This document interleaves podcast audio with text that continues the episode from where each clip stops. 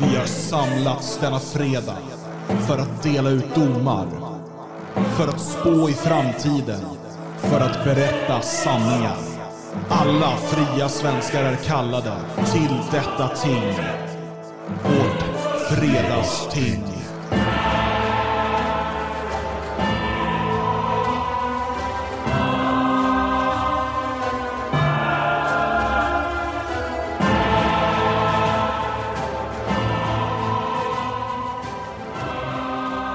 Har det äntligen blivit dags för Fredagstinget igen denna 16 april 2021. Och samlade vid tinget idag, det är jag Dan Eriksson, det är Magnus Söderman och det är Björn Björkqvist. Lite senare så ska jag tala om varför vita människor måste bli rasister. Vad ska du prata om Magnus? Mm, jag tänkte prata om polisen. Eh, Framförallt polisen i framtiden. Vi har ju sett mycket av polisen på senare tid under corona-eländet här. Jag har funderat en del kring detta och hur jag skulle vilja ha eh, polisen. Så det, det blir det och eh, lite samtal kring det här med poliser efteråt hoppas jag. Mm, ser vi fram emot. Men först så lämnar vi över tingsplatsen till Björn Björkqvist. Tack. Igår så föll en principiellt viktig dom vid eh, Patent och marknadsdomstolen i Stockholm. Det var den eh, svenska akademin som eh, hade dragit Nordiska motståndsrörelsen och deras nättidning Nordfront inför rätta för att ehm, de senare hade publicerat citat från sedan länge döda svenska författare Författare som Esaias Tegnér, Viktor Rydberg och eh, Werner von Heidenstam. Dessutom hade de citerat ur Havamal. Svenska Akademin hänvisar till eh, klassikerskyddet som eh, är en gammal lag som instiftades för att förhindra förvanskning av svenska litterära verk efter att upphovsrätten har gått ut. Ett slags extra statligt skydd av viktiga författare. Lite spännande är det naturligtvis att Svenska Akademin sticker ut hakan och menar att Havamal är en svensk klassiker. Eh, något som ganska få andra skulle hävda. Men den diskussionen tar vi inte här och nu. Svenska Akademin menar att citaten och eh, dess författare drogs i smutsen och förvanskades genom att de publicerades i sammanhang som Svenska Akademin eh, kände sig lite obekväma med. Nordfront och eh, Nordiska motståndsrörelsen gick segrande och Svenska Akademin ska betala för rättegångskostnaderna. Men jag skulle säga att eh, hela det svenska folket gick segrande ur detta. Om Svenska Akademin hade vunnit så hade det alltså blivit förbjudet för nationalister att citera ur vårt svenska och nordiska kulturarv.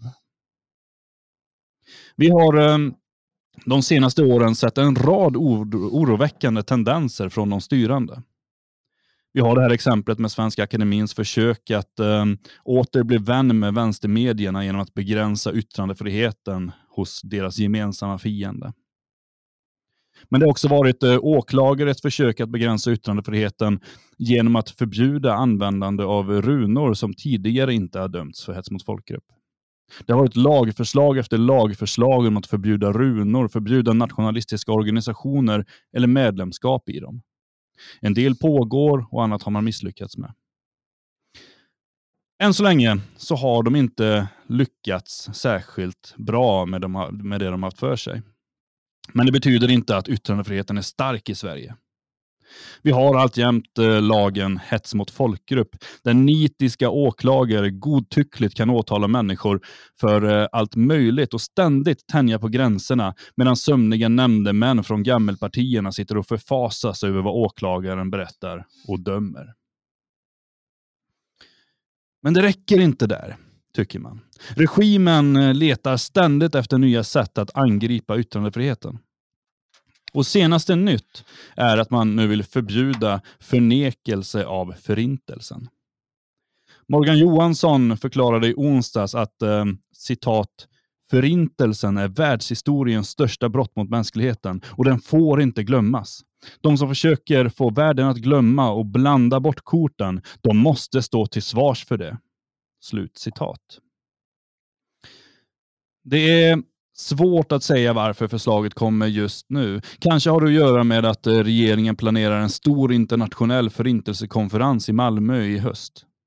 Syftet med konferensen är bland annat att ta gemensamma och konkreta steg framåt i kampen mot antisemitism, enligt statsministern. Och kravet på förbud mot ifrågasättande av förintelsen med stort F, den eh, kommer ständigt från utländska judiska lobbyorganisationer. Och Kanske är det då därför det kommer nu. Kanske vill statsministern kunna visa att han minsann gör som de säger när de samlas i höst. Kanske vill de bara flytta fokus från alla andra problem det svenska samhället brottas med till en eh, inbillad, utbredd antisemitism. Det är lite oklart. Men vad kan ett förbud mot förintelseförnekelse innebära? I hets mot folkgrupp-lagstiftningen så vet vi att lagen är öppen för tolkningar.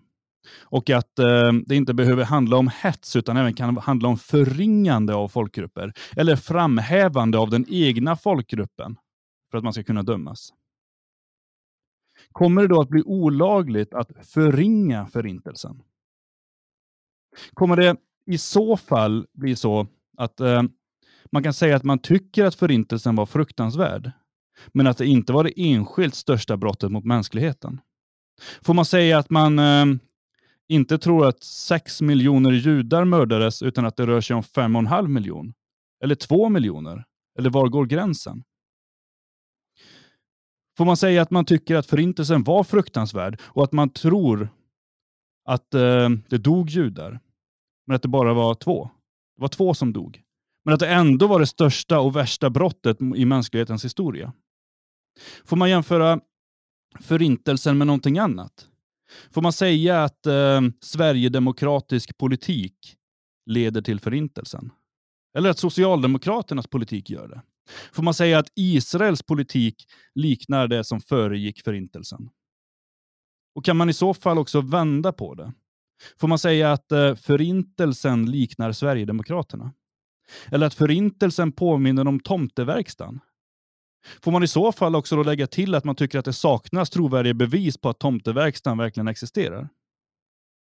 Vad kommer att vara lagstadgat? Om en lärare berättar om förintelsen och en elev förfasat frågar hur det kunde vara möjligt, ska läraren då kontakta polisen för att eleven ställer kritiska frågor? Var går gränsen? Får man sitta och räkna på hur Auschwitz två krematorieugnar kan ha eldat upp tusentals människor om dagen, eller blir det olagligt? I hets mot folkgrupplagstiftningen så kan man dömas för bärandet av gamla runor för att det anses framhäva den nordiska rasen och därmed nedvärdera andra folkgrupper. Kommer det vara samma sak här? Kan de som hävdar att Stalin eller Mao låg bakom de värsta folkmorden i mänsklighetens historia dömas för att de lyfter fram andra folkmord och därmed förin, äh, förminskar förintelsen. Jag ser att det finns väldigt många problem med det som man nu vill äh, genomföra. Och Jag är egentligen totalt ointresserad av förintelsen. Det kan jag säga nu, men kan jag säga det sen, när lagförslaget blir verklighet? Är det min skyldighet som medborgare att vara intresserad av den stora förintelsen? Ett lite kort anförande idag och jag eh, tänker redan gå till doms. Och min dom lyder så här. Socialdemokraterna är ett eh, maktfullkomligt parti. De är just nu desperata och därmed mycket farliga. Deras samhällsexperiment håller på att falla sönder och väljarna flyr. I deras försök att flytta fokus um, kommer de att komma med det ena vansinniga förslaget efter det andra. Och i deras försök att bli kvar vid makten så kommer de att eh, försöka förbjuda allt som inte passar deras världsbild. Så här är den riktiga domen. Låt oss förinta socialdemokratin. Tack. Tack Björn. Jag befinner mig i ett land eh, där det redan är olagligt att så att säga förneka förintelsen. Um, så att jag måste bara säga det här att jag tror på den allsmäktiga förintelsen eh, och dess son. Jag vet inte hur det är nu. Det är något som, någon trosbekännelse man, ska, man måste rabbla tror jag. Ehm, men den lagstiftningen, om man ser här i Tyskland där jag befinner mig, är ju också intressant. Inte nog med att den liksom dömer pensionärer till livstidsfängelse, vilket ju faktiskt mer eller mindre blir fallet alltså med Horst Mahler och Ursula Haferbeck och så vidare, som döms till långa fängelsestraff när de redan är på gränsen till döden för att då ha förnekat förintelsen. Um, det är också så, vi har ju exempel på där advokater inte har kunnat försvara eh, sina klienter. Eh, vilket väl var i fallet Ernst Synder, va, om jag inte minns fel. Mm. Eh, alltså, vi pratar om så gärna om rättsstat och rättssäkerhet och oskyldigt tills motsatsen har bevisats. Men när en advokat då ska plädera för sin klient för att bevisa att nej, den här personen är oskyldig, så riskerar också advokaten att dömas till fängelse. Och Jag kan inte se på något annat sätt, alltså om Sverige skulle man tittar ju på Tyskland som en förebild i den här lagstiftningen, precis som när det gäller organisationsförbud. Eh, om Sverige skulle implementera den här lagstiftningen så skulle vi få samma problem. Och Det går inte att påstå, vare sig att man har yttrandefrihet eller att man är en rättsstat, där du faktiskt, för det blir en modern form av eh, så som vi har fått lära oss om, om häxbränningarna. Alltså att, okej, okay, men om du eh, överlever, när vi eldar upp det nu, om du överlever ja då är du en häxa och dör ja, då var du ju inte en häxa, men du är död i alla fall. Det är ju lite samma sak här, du, du ställs då in, inför skranket och du får inte försvara dig, för att försvarar du dig så är du kriminell.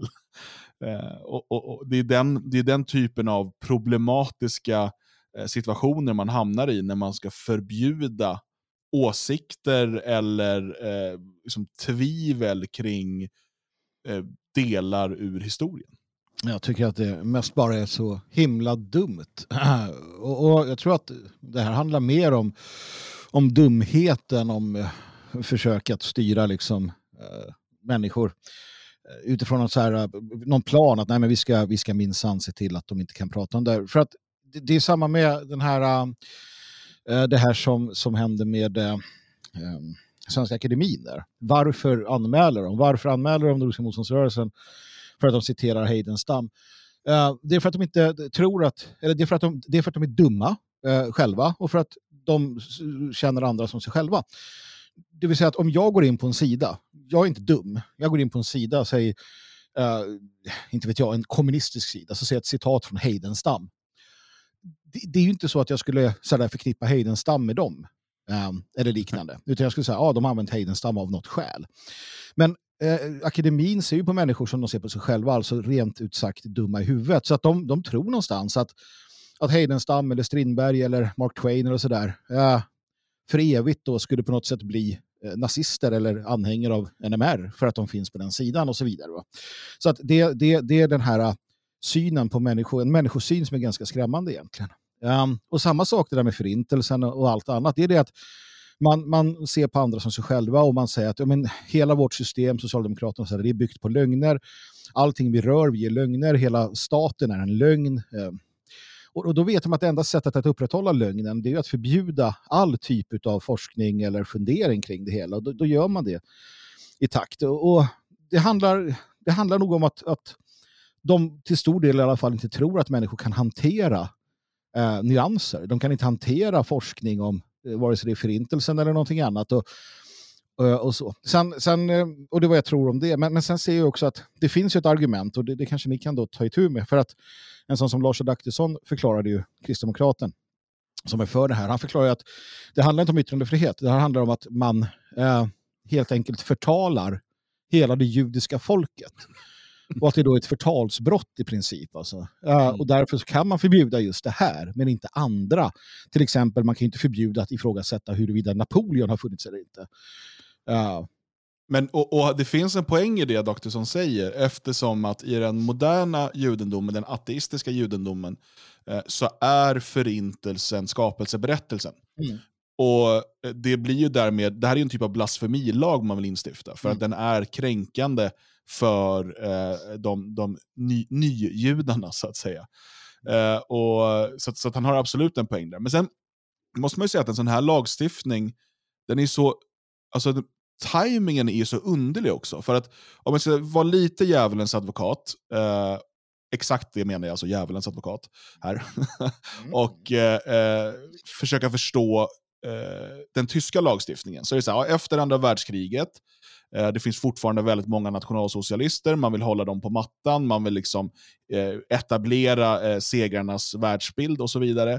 Eh, och då kan jag förstå att det liksom det är rimligt, inte rätt, men det är rimligt att de då vill förbjuda människor att överhuvudtaget kunna eh, säga någonting annat om vad var det som hände under kriget. Utan nu är det vinnarnas bild som ska etableras. Eh, och så får det ta en, två generationer och så är det klart. Liksom. För, för, bara för sanningen är ju den dagen. Uh, bara, för att, bara för att förstå det här. Det är inte bara förbjudet att förneka förintelsen. Du får inte säga att Hitler var bra. Du får inte säga att han gjorde någonting bra. Du får inte säga att nationalsocialismen var bra Precis. i Tyskland. Alltså ingenting var bra under de åren. Inget. Det, det, är förbjudet. Så att vi bara förstår att så djupt går lagstiftningen av det skäl du sa. Ja, och, och, alltså jag förstår skälet. Jag tycker att det är fel, men jag förstår mm. skälet.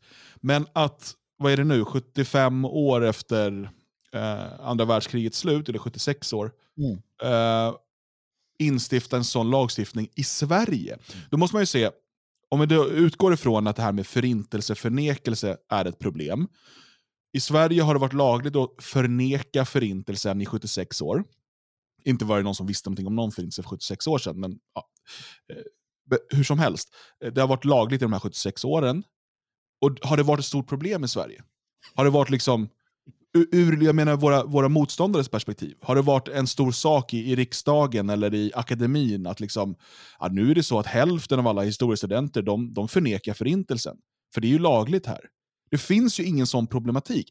Och det som Morgan Johansson säger när han argumenterar för det här, det är att nationella högerrörelser växer och därför behöver vi den här lagstiftningen.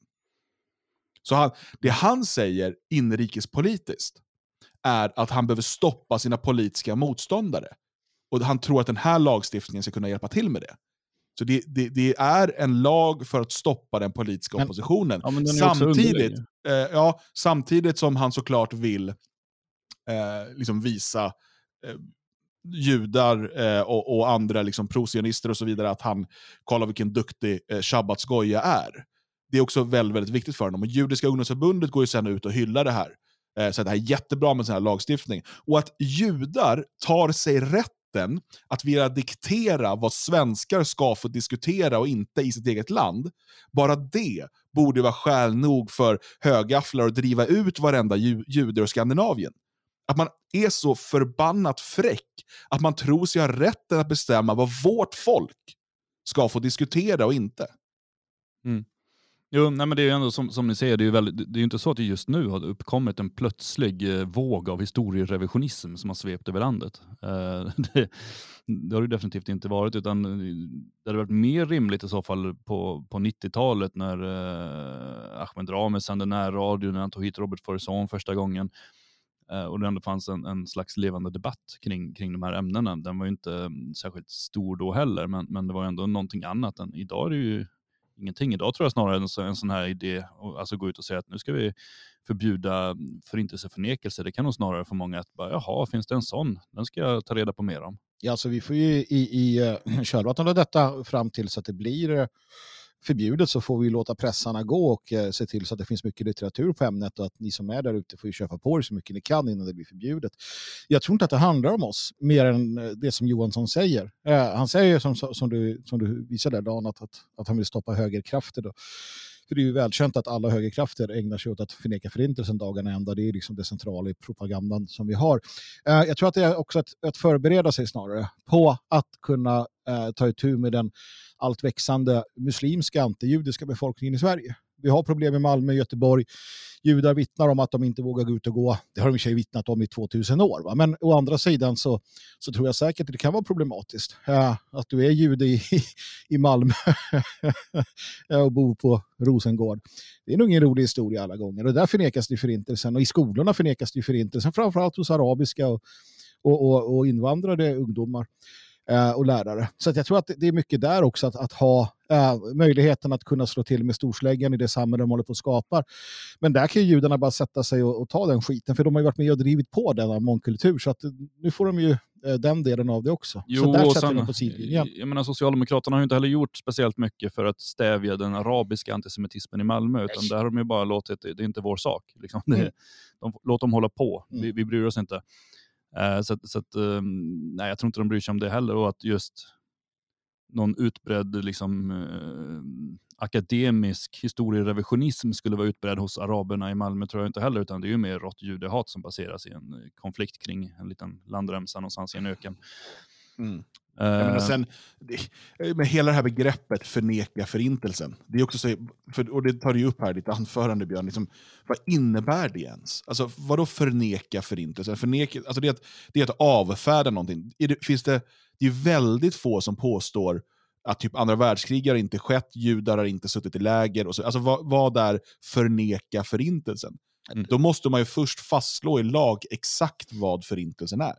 Mm. fast problemet blir ju det, och det, det är här de vinner. Ja, precis som vi såg när Sylvia Stolt skulle försvara Horst Mahler, eller om det var Ernst Syndel. Eh, när hon skulle då just i rätten i Tyskland försöka diskutera det här. Vad är förintelsen? Och så började hon lägga fram bevis efter bevis på att den, den bild de hade presenterat dittills i alla fall, åklagarsidan, inte var sann. Och då sa domaren att om du fortsätter med ditt försvar så begår du ett brott. Du, kommer, du begår, du är för, förintelselögnare som det kallas, om du fortsätter med ditt försvar. Och hon säger att men med det du säger, herr domare, så kan inte jag försvara min klient för att mitt försvar är ju att visa att han har rätt. Ja, då kan du inte det. Så du får ändra ditt försvar. Det var vad man sa i den stora demokratin Tyskland under den rättegången. Och det är dit man kommer därhän. De definitionerna kommer du inte ens få, få rota i dem. För att det är förbjudet att rota i. Är det 6 miljoner? Är det 4 miljoner? Är det en miljon? Om du 100 säger, miljoner. Ja, 100 miljoner, 200 miljoner. Du får inte diskutera siffran. Det är vad de säger att det är vid varje givet tillfälle. Mm, vi har alltid varit i krig med Oceanien. Utom när vi inte är det. Och då ska vi komma ihåg ju att själva alltså, berättelsen om förintelsen har ju förändrats gång på gång på gång. Alltså det har ju varit, eh, från början var det ju inte gaskammare utan det var ju ett allmänt massmord, lite oklart vad och det kom historier om, eh, jag läste upp i Sverige vaknar, ehm, eh, ett exempel på ett vittnesmål där de satt i liksom, vagnar, öppna vagnar som åkte rakt ner mot en liten vägg och så när de åkte rakt in i väggen där så tippades ju vagnen över och så ramlade judarna rakt ner i en öppen eld. Mm. Det var ett vittnesmål. Eh, Det finns vittnesmål om ehm, att de har gått och ställt sig liksom i, ett vatten och fått vatten upp till knäna ungefär och så har de satt ström i vattnet och så har alla dött. Det finns mängder av olika vittnesmål. Sen har alla samlats kring ett och nu är det sanningen. Eh, om forskningen tillåts så kan det ju visa sig så småningom att ja, det dog väldigt många människor, men inte på det sättet. Det var på andra, man lät dem svälta ihjäl eller vad som helst. Dåliga förhållanden. Ehm, vi har gamla historier om att man gjorde tvål, att man tyckte att ah, vi hatar judar så mycket så att vi vill väldigt gärna ta ut deras fett och tvätta oss i det. Eh, vi, vi har historier om lampskärmar. det, det så är mycket- förbjudet. I, om jag inte missminner mig, Yad Vashem i Israel, det vill säga förintelse, alltså det är förintelse över Kuku-gänget. Det är alltså Mm. förintelsemuseet Yad Vashem. De har ju sagt att eh, de här jävla tvätt, eh, de där tvålarna, det är inte sant. Det stämmer inte. De har redan avfärdat Mm. det. I Tyskland, om Dan säger det nu, då åker han dit för det. För att i Tyskland är det sant. Men i Israel är det inte sant. Mm. Alltså det är så det ser ut. Alla de här jävla påhitten som de har, eh, tar, ju bort, liksom, tar ju också då bort för mänskligheten att få reda på vad som hände. Ja, För att det går inte att hindrar diskutera. Ju, för, att, för att eh, historia är ju ändå ett ämne som, dels är det segrare som skriver historia, dels så kommer det nya tider, nya forskare tittar på saker ur nya synpunkter och så vidare. Jag menar, vi hade för några år sedan en svensk författare som gick ut och sa att Karl XII måste ha varit homosexuell och så la han fram en massa bevis på det. Mm. Ganska kassa bevis, men ändå Mm. utifrån sin synpunkt. Jag menar, jag tycker att han ska få lov att släppa en sån bok. Man måste kunna diskutera det. Det skulle kunna sätta massa saker ur ett nytt historiskt perspektiv. Sen tror jag att han har helt fel och då måste man få säga det också. Men att stå och hålla på och tramsa och bara, ah, just det här ämnet, det är så pass viktigt, det är så pass heligt, så det får vi aldrig prata om. Skit i alla liksom, turkar och kurder och alla olika folkgrupper som haft ihjäl varandra i liksom, århundraden, årtusenden.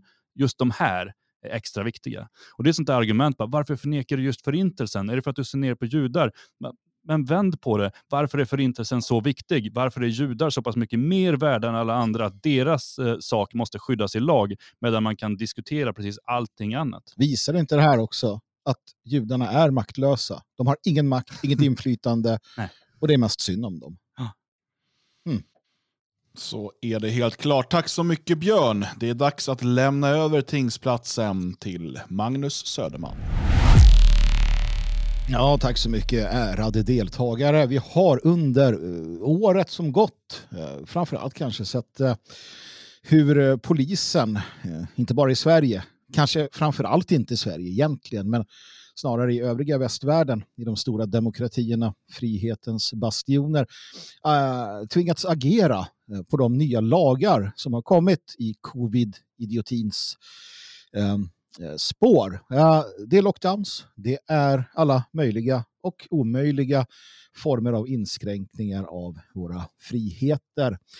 Eh, I Sverige så är ju demokratin satt ur spel, den är upphävd eh, för tillfället. Demonstrationsrätten finns inte längre. Du får inte demonstrera i Sverige. Eftersom att fler än åtta personer inte får samlas ute i det offentliga rummet. Polisen ska naturligtvis upprätthålla denna inskränkning av demokratin.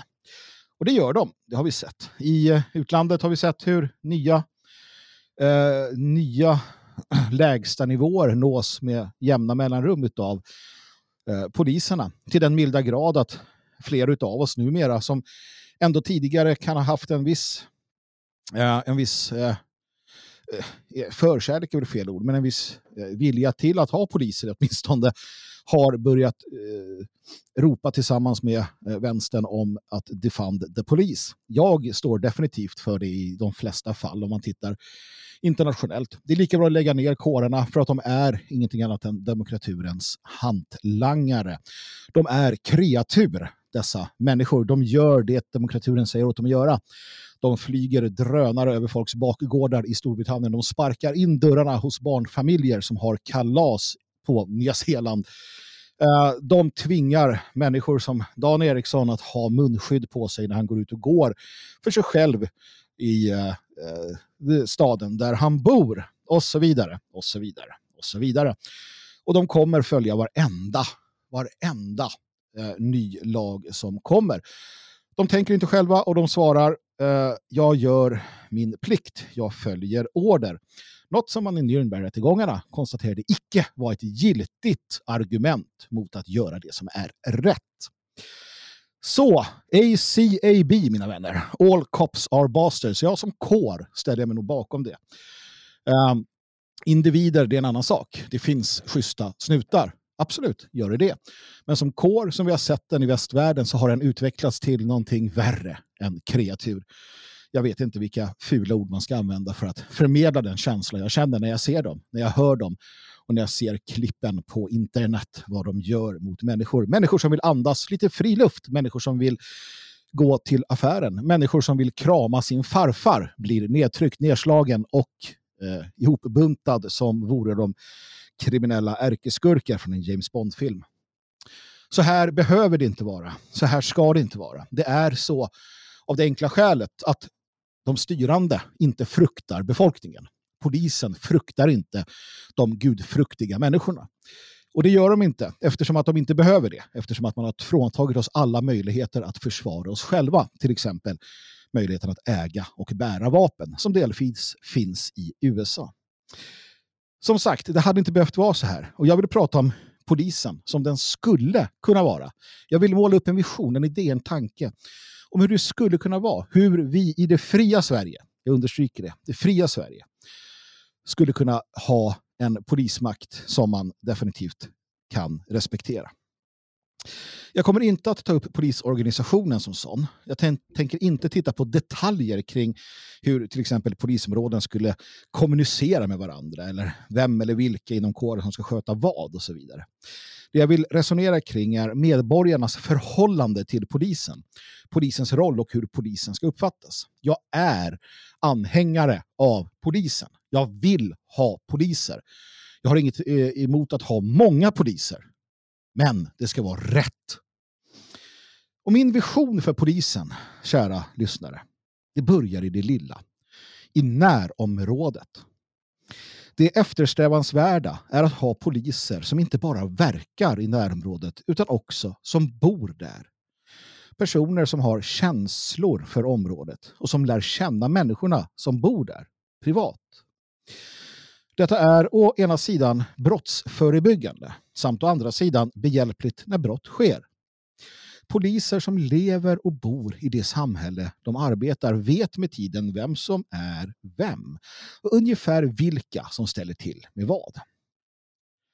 Poliserna måste också ut på gatorna och patrullering till fots eller med cykel. Ja, segway om man nu så vill. Då kommer man nära folket och det ska vara normen. Medan bilen ska vara undantaget. Ja, om man inte är trafikpolis vill säga. Då är det ju bra att ha sin kärra med sig. Därtill anser jag att polisen ska demilitariseras. Demilitariseras. Deras uniformer ska inte vara av militärt snitt så att det ser ut som att de är rustade för krig. De ska inte ha grova kängor, militärbyxor och stridsselar. Det ska de inte ha.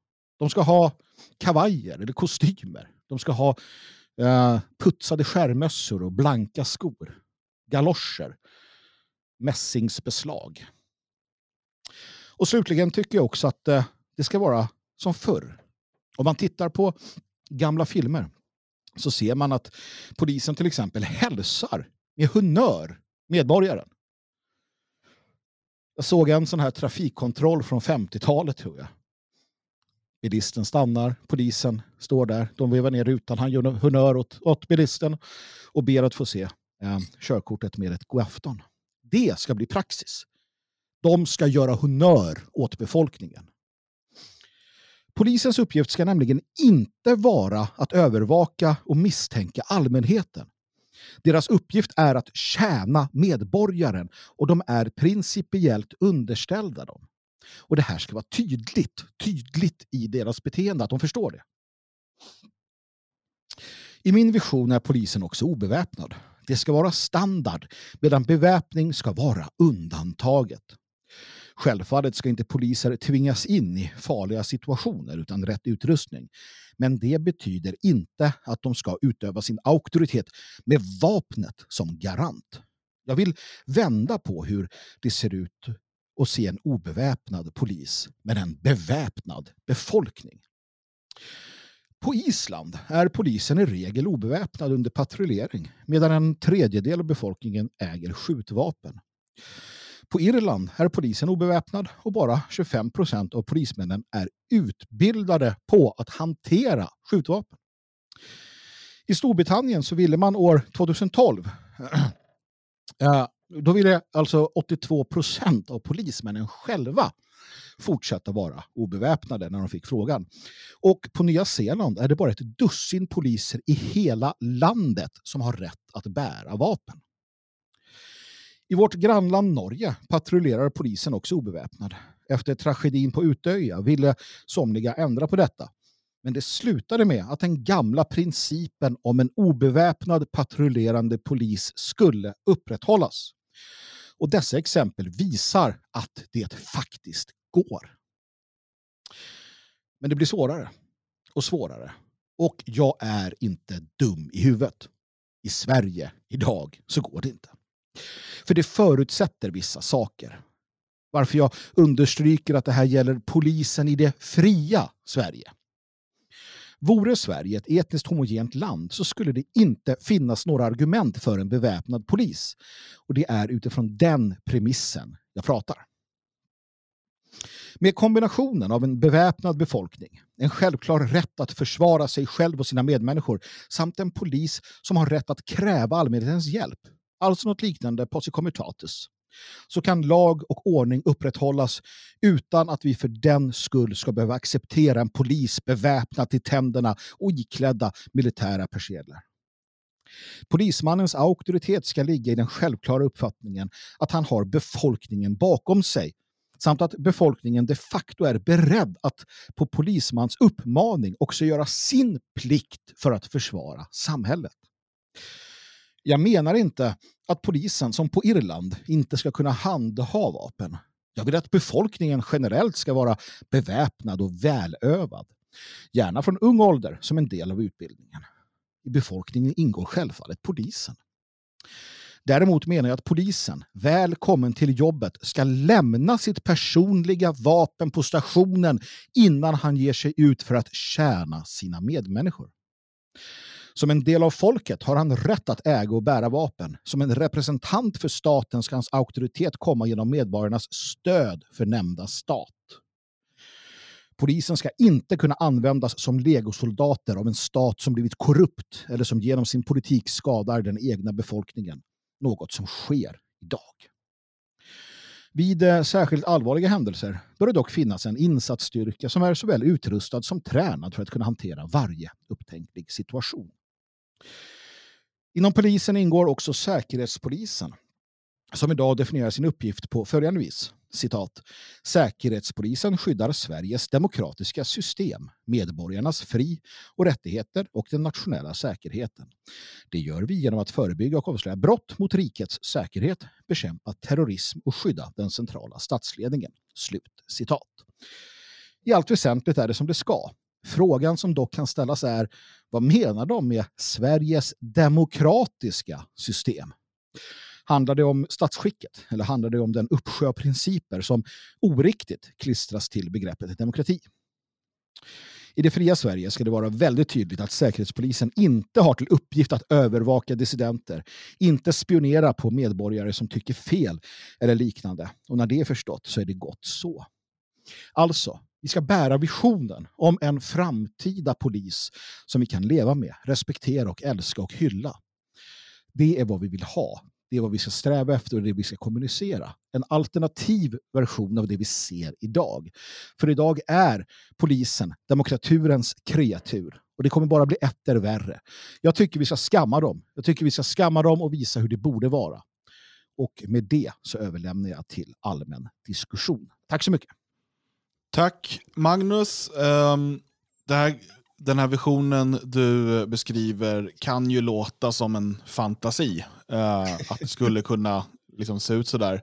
Ja. Uh, men det är ju helt rätt att vi måste måla upp visioner och även om de inte är realistiska idag eller kanske ens under vår livstid så måste vi ju kunna berätta om det samhälle vi vill ha någon gång i framtiden. Det, vad som skulle ha kunnat vara istället om inte annat. Mm. Och eh, ser man på polisen idag så har man ju gått ifrån att vara folkets tjänare till att bli en, vad jag skulle kalla en översittarkår. Mm. Eh, som, jag vet inte om ni har hängt med i den här diskussionen, men man, många poliser har ju sociala medier nu, även liksom olika eh, polisdistrikt och sådär. Och där hänger de ju ut folk i, i sociala medier. Alltså de kanske eh, är någon missbrukare som, som de har gripit, som han, han ligger och sover någonstans där man inte får sova eller något sånt där. Och det här filmar de utan att censurera liksom, ansikten och sånt och lägger ut sociala medier. Eh, förment då för att eh, visa sin arbetsdag. Men jag menar, vad är det för en eh, folkets tjänare mm. som på många sätt då profiterar på de svagaste genom att förnedra dem i allmänhetens, liksom, alltså, i, i, till allmänhetens beskådan. Mm. Det, det, är så oerhört eh, vidrigt. Eh, och En annan sak där som du är inne på, vikten av det lokala. Det, det, mm. Alltså att du känner polisen och polisen känner dig. När vi var små, eh, när vi var till och med som ungdomar så, så fanns det fortfarande kvarterspoliser och så vidare. Mm. Eh, som man ju sen tog bort eh, och allt skulle centraliseras och så vidare. Så att man hade istället, det kunde vara, i en och samma ort så kunde det liksom vara poliser från, plötsligt kunde det vara någon som egentligen jobbade fem mil bort. Mm. Men som var där och då körde runt i en bil. Det var inte så att de var ute och gick och pratade med folk heller. Um, en sak jag bara funderar på, du nämner uh, staten här flera gånger. Mm. Bör polisen verkligen vara statlig? Det är det här, det är det här jag, jag har funderat lite kring. Och nej, alltså när, jag, när jag tänker på det i efterhand så ja, vissa delar, till exempel Rikskrim eller Forensiskt centrum eller alltså specialistutredare och sånt där kan gott och väl kanske då vara statliga. Eh, I alla fall om man tar det ett steg i taget. De skulle lika gärna kunna vara privata, skulle man kunna invända naturligtvis. Men eh, den kommunala polisen som vi hade var nog ändå i grund och botten bättre. Eh, att, att, eh, att det är kommunerna som, som så att säga förestår sin polisstyrka. Jag menar, det intressanta är det du säger att, att det här är framtiden, men det är också, det är också vår historia. Eh, för om ja. du tittar på det, min bättre hälfts eh, farfar eller morfar eller vad det nu var, var ju länsman eh, i någon norrländsk liten stad. Han cyklade runt där. Han var mm. inte beväpnad till tänderna med stridsselar och du vet, eh, MP5. -or. Han hade en cykel, han hade säkert något slagträ också, men han kände ju alla. Han åkte väl och tog en sup hos någon och sen behövdes det så kunde han få upp ett uppbåd av jägare som sköt ner någon jävla ogärningsman som kom och ställde till det. Det var så det gick till och det var bra, det var trevligt, det var schysst. Uh, sen ska det finnas kontrollorgan naturligtvis. Det Precis, jag... det, det, är där det, man kan ju se någon typ av mellanvariant här där um, en typ av ideell förening uh, sköter uh, polisarbetet lokalt med Ja. Eh, med, ja, men med någon typ av licens som då ges ut från en högre instans. Ja, precis. Som också kan alltså... dras tillbaka om det, om det missköts. Men, mm. För jag ser också en rimlighet i att fria män och kvinnor eh, får välja sin polischef. Absolut. Det har du i USA. Precis, men, men jag menar att den ska också vara begränsad då till eh, laglydiga, mm. eh, skattebetalande, mm. alltså eh, människor, mm. får då också vara med och bestämma vem som är polischef. Naturligtvis. Eh, men det är också, jag menar, ja, om, om, vi har, om vi återgår till att ha väldigt, väldigt små kommuner, vilket jag förespråkar, mm. då kan jag se ett värde av att ha en polis kanske i varje kommun. Mm. Men annars så, jag menar, där jag är uppvuxen, jag såg ju aldrig en polis. Nej. Det fanns ju inga poliser. Liksom, vad skulle de göra? Så här, gå mellan gårdarna? goddag, goddag. Utan det, de, de fanns ju inne i Visby, så här, tre mil bort. Vi såg ju inte dem. Så här, utan vi skötte vårt eget och så vill man ju ha det. Mm. Um, men, men, det är ju klart att skulle man återgå till väldigt, väldigt många kommuner i landet, då kan det ju finnas ett värde av att man har en länsman i varje kommun som liksom går runt och tittar till sina 400 invånare. Det, det finns en del alltså, vackra berättelser från USA. Där har du då federala poliser, du har Highway Patrol, du har, de är också federala, sen har du lokala poliser, du har delstatliga poliser. Det är ett, det, det är ett virrvarr. Men, men det finns fantastiska berättelser och, och, det är det här man, när man hör om dem så förstår man behovet av detta. Eh, och det är berättelser om till exempel från uh, The Bundy Ranch, den här standoffen som skedde med mormonerna i, i uh, Utah, eller um, om det var Nevada, när federala myndigheter försöker då uh, i princip då storma en, en, en gård, mark som ägs av den här familjen Bundy. Så du har federala poliser på ena sidan Ja, från FBI. Och du har Ted Bundy, eller du har band, inte Ted Bundy, det är en helt annan Bundy. Du har eh, Alman Bundy och hans gäng eh, på andra sidan. Mitt däremellan och alla är beväpnade till händerna och så här, ja, står och glor på varandra. Däremellan har du en sheriff, den lokala sheriffen. Eh, som står där helt ensam eh, som en sheriff från vilda västern med eh, uniformen och blänkande sheriffstjärna. Och han säger kort sagt att eh, jag är här för att se till så att de där, pekar på de federala, sköter sig och inte gör någonting mot mina, eh, mina lokala medborgare. Och jag är här för att se till att de här andra sköter sig. Uh, det tycker jag är fint och det finns andra tillfällen då lokala sheriffer har gripit FBI-agenter FBI som har betett sig illa och sådär. Så att de har upprätthållit lagen gentemot den federala regimen. Mm. Och det är ju här det krävs, det lokala Eh, den lokala polisen med den lokala anknytningen och som har sitt samhälle bakom sig. För då kan de stå upp mot tyrannerna i regering och riksdag och på andra myndigheter om det skulle behövas. Ja, en eh, intressant diskussion som lär fortsätta. Lämna gärna en kommentar under det här avsnittet på svegot.se vad dina tankar är om polisen i det fria Sverige. Nu tänkte jag ta plats på tinget. Kära tingsdeltagare. Det är dags för vita människor att förstå att rasism kommer vara nyckeln till en fri och fredlig framtid. Jag vet inte om ni hängt med i de senaste afrikanska upploppen i USA. Och nej, jag menar inte upploppen i Minnesota efter att en multikriminell afrikan skjutits av en inkvoterad polis som tog fel på sin pistol och sitt elchocksvapen, utan de som nu pågår i South Carolina. Låt mig ge en kort bakgrundshistoria. I ett villaområde i Richland, South Carolina har ett flertal vita kvinnor de senaste dagarna utsatts för obehagliga övergrepp från en afrikansk man som inte bor i kvarteret. Den 8 april kontaktar en kvinna polisen och berättar att afrikanen tar tag runt hennes kropp bakifrån och trycker in en hand under hennes kortbyxor. Och när hon försöker ta sig loss dras byxorna ned. Medan hon drog upp byxorna försökte mannen återigen ta ett grepp, kring henne, men hon slet sig loss och sprang hem.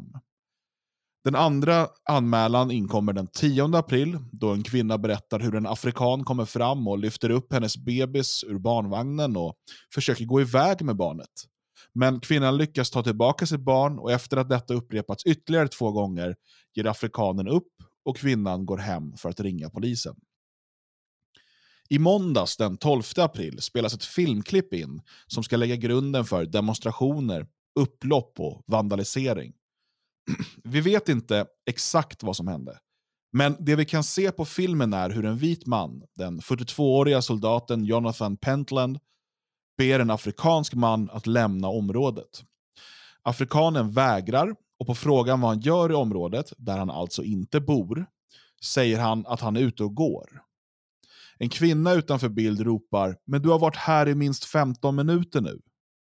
Kvinnan, som verkar vara Pentlands fru, säger även i videon att afrikanen är den som initierat det hela och att afrikanen ska ha citat “startat ett bråk med en ung kvinna”. Slutcitat.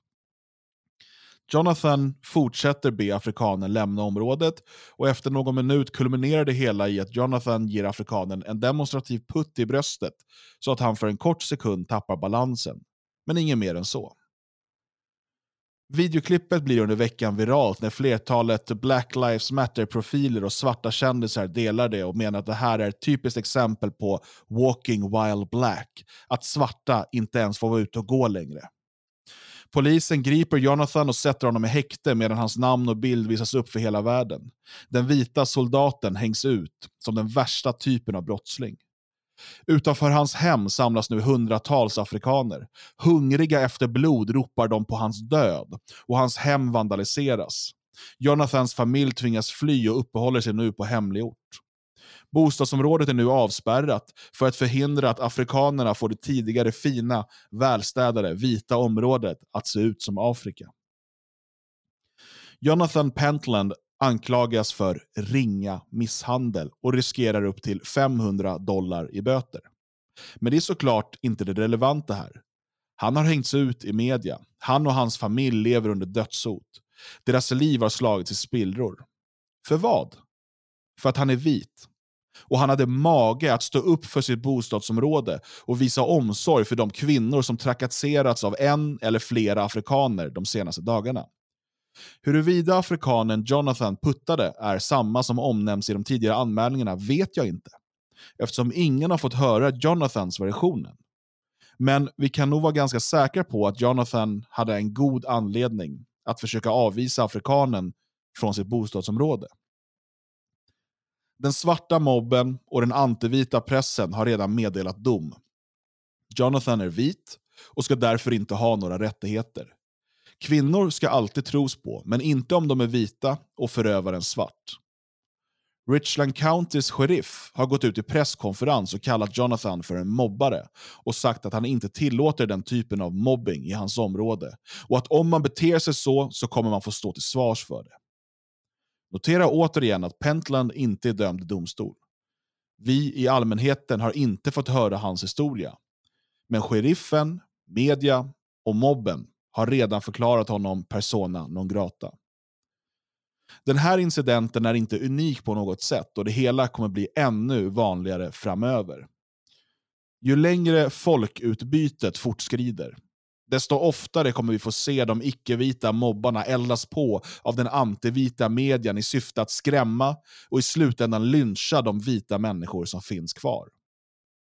Vi ser liknande saker i Sverige i de områden där vita trängts undan. Men vi ligger något decennium eller två efter USA. Även om internet gjort att den här typen av fenomen sprider sig snabbare nu än tidigare. Vilket vi inte minst ser på hur man försöker kopiera den amerikanska debatten hit. Vad vita människor i allmänhet och svenskar i synnerhet måste inse är att om vi inte ser till att odla rasismen inom oss så kommer vi aldrig att överleva det här. Afrikanerna har inga problem att samlas i hundratals slå sönder en vit familjs hem för att en av deras blivit puttad. Samtidigt fortsätter vita människor att tala om integration och frågar sig hur vi kan göra det så bra som möjligt för icke-vita i våra hemländer. Nej, kära svensk. Du måste inse att vi är förrådda av tidigare generationers svek och nu sitter vi med Svarte Petter. Vi kommer bli en minoritet i vårt eget land, men för lång tid framöver kommer vi vara den största minoriteten. Om du vill ha någon som helst svensk framtid så måste du organisera dig idag och lägga grunden för en så stark svensk gemenskap som möjligt i framtiden. Det här århundradet kommer inte bli lätt för vår stam, vårt folk eller vår ras. Men det är i svåra tider vi prövas och utvecklas. Sluta tro att du kan vara en del av det här systemet och det antivita samhället och samtidigt arbeta för vårt folks överlevnad. Vänd det ryggen. Skit i vad grannar och släktingar tycker. Lockas inte av karriär och guld. Lockas av ära och evigt liv som en hjälte hos vårt folk. Vi kan inte bygga en svensk framtid så länge vi försöker arbeta under de svenskfientliga strupgrepp. Så slit dig loss och kom ut som en tvättäkta rasist. Säg det för dig själv. Jag vill att mitt folk och min ras inte bara ska överleva, utan därtill utvecklas och nå nya framgångar och erövringar. Gör det dig till rasist? Förmodligen. Och det ska du vara stolt över. Rasism är nämligen den enda överlevnadsstrategin som fungerar. Tack. Mm. Jag har ju skrivit boken om det här så jag håller med naturligtvis. Uh, nej men det är klart, uh, jag är ändå sådär positiv. Uh, ser med, med, med, stor, stor tillförsikt på framtiden. För att uh, det kommer ske. Det sker i detta nu. De som inte kan eh, manna upp, de kan dra åt helvete. Ehm, de kan gå under i sina urbana liksom, eh, förnedringsmiljöer där de, där de böjer knä för främlingarna. Absolut, men jag ser det där överallt annars och jag tror USA kommer få se en, en, en rejäl backlash vad det lider för dem. Alltså. Alltså, efter, efter inbördeskriget så såg vi hur uh, Knights of the White Camellia, Ku Klux Klan med flera dök upp i hela södern när de skickade carpetbaggers på 60-talet till, och både då och sen senare så, så fanns det ett motstånd. Um, det, det, kommer ta en liten, lite tid för de vita att förstå att de är en minoritet, om än en stor minoritet. Men när det har liksom gått in um, och sjunkit ner så tar uh, de naturliga instinkterna över. Uh, och då blir det raskrig på riktigt i hela den vita världen Eh, på olika sätt och vis. Eh, kanske inte som man har sett i eller läst i Turner Diaries eller annat, men på en, på en personlig nivå, en, en gruppnivå, en, en eh, område, så, så, så, delar av samhällsnivå, kvartersnivå, skolnivå, vad du vill. Va? Precis som i fängelser eller liknande, där det har varit så under all tid. Um, och jag vet att när den vita människan uh, får ordning på, sin, uh, på sig själv så, så kommer det ganska raskt uh, gå ganska bra. Mm. Mm. Jo, nej, men så, så är det. Så är det absolut. Um, jag tänkte börja vända mig mot rasismbegreppet men jag orkar inte. Uh, lite grann för jag tänkte att de håller på med de här förbudslagarna mm. mot uh, medlemskap i rasistiska organisationer så tänkte jag påpeka att vi, vi är ju inte rasister på det sättet men Nej. däremot att man eh, ser om sitt eget. Uh, och visst, i uh, etablissemangets värld så är ju det en form av obehaglig rasism, i alla mm. fall om man är vit och gör det. Är man eh, någon, vilken annan folkgrupp som helst och ser om sitt eget så är man ju mm, lite spännande och ganska duktig. Eh, mm. och det är ju där problemet ligger, att, att uh, vi ser inte om vårt eget. Uh, alla andra gör det och dessutom får alla andra hjälp av samhället att göra det. Det är statligt stöd, det är liksom hjälp att starta föreningar. Uh, en del folkgruppers föreningar behöver ju så pass mycket hjälp att det till och med finns representanter för andra folkgrupper som håller igång föreningarna. Och så uh, det är ett ständigt arbetande och det är kulturbidrag och det är um, allt möjligt och man, man håller på att försöka få igenom att det ska vara lov på speciella dagar och uh, jag såg min min, min grabb fick hem här nu någonting om att nu är det ramadan så att nu måste vi tänka på hur, vi, hur somliga har det när de inte får äta. Och, Eh, Eh, det är väldigt mycket anpassande, men det är ingen som ska anpassas efter oss. Eh, och det, är ingen, alltså, det måste vi själva se till att andra gör. Andra ska anpassas efter oss, det här är vårt land. Eh, vi måste kliva fram och på allvar förklara det, att det här är vårt land av hävd och det tänker vi behålla och vi har rätten till det. Det intressanta där, samtidigt blir det också att här för någon dag sedan så önskade jag en, en bekant glad ramadan. En arabisk nationalist som står upp för sitt land, sitt folk, på sin plats. Eh, som jag har haft lite kontakt med. Eh, och det gör jag som eh, representant för fullfjädrad vit rasism. Är inte det fantastiskt ändå? Eh, och det här är någonting som också måste tas fasta på. Och det här kan bli svårt för många, men jag vet att ni kära lyssnare tillhör den gruppen av svenskar som är intelligenta. Och det är att nationalister över hela världen förena er. Här har vi en annan aspekt av detta. Svarta nationalister i USA, bland annat sådana som tillhör Nation of Islam och annat, det är eh, allierade på sätt och vis. Om vi, har, om vi vet vad vi har varandra så är det inga problem. Arabiska nationalister definitivt. Eh, andra nationalister runt om som bekämpar globalismen, som bekämpar förstörelsen av deras kulturer. Det är alla människor som står mig nära där de är och det de gör. Inte nödvändigtvis här hemma naturligtvis. Och, det här är också en aspekt av det här som inte, inte får förglömmas. Jag menar, eh, sen är det så att eh, svarta nationalistorganisationer i USA till exempel, de kommer att göra allt de kan för att tjäna på det som händer vad det gäller Black Lives Matter. Men jag vet att sådana som Louis Farrakhan och eh, de eh, faktiskt rekorderliga människorna inom Nation Islam, de ser inget annat än förakt. Har inget annat förakt över den här typen av marxistiska organisationer i grund och botten. Uh, och det här är sånt som också kommer bli intressant i framtiden att följa. De som kan hantera det här, de som kan förstå uh, liksom grundsentensen i nationalister he över hela världen föreningar, de kommer också kunna uh, göra väldigt mycket nytta i, i det stora hela. Ja, eh, begreppet rasist är ju såklart eh, omdebatterat och jag utgår ju såklart ifrån eh, Södermans definition i rasist, ja, visst, mm. som man ju kan eh, beställa på butik.friasverige.se till för nästan ingenting. 49 kronor just nu istället för 129, eh, mm. mer än halva priset rabatterat där. Ehm, men eh, det viktiga här det är ju att vita, eh, och, och när vi pratar Sverige så pratar vi svenskar, men i en amerikansk och en liksom paneuropeisk kontext pratar vi vita människor, eh, inser eh, att de har kollektiva intressen eh, och, och därmed också organisera sig på det sättet. Och Framförallt så måste vi kanske börja tala om att inom, alltså att, att och nu kommer jag börja låta som, jag förstår det som någon typ av kulturmarxist eller någonting, men att eh, ras är inte enbart biologiskt. Och den som eh, visserligen biologiskt tillhör vår ras eller vårt folk, men inte vill vara en del utav, utav det och som aktivt motarbetar det, eh, har också på så sätt förlorat sin, sin plats bland oss.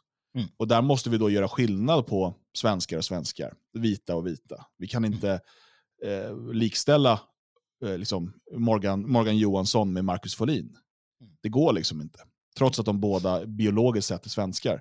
Även om jag tror att Morgan Johansson kan ha 50% dvärg i sig. Men det, det, detta, detta är inga bevis för.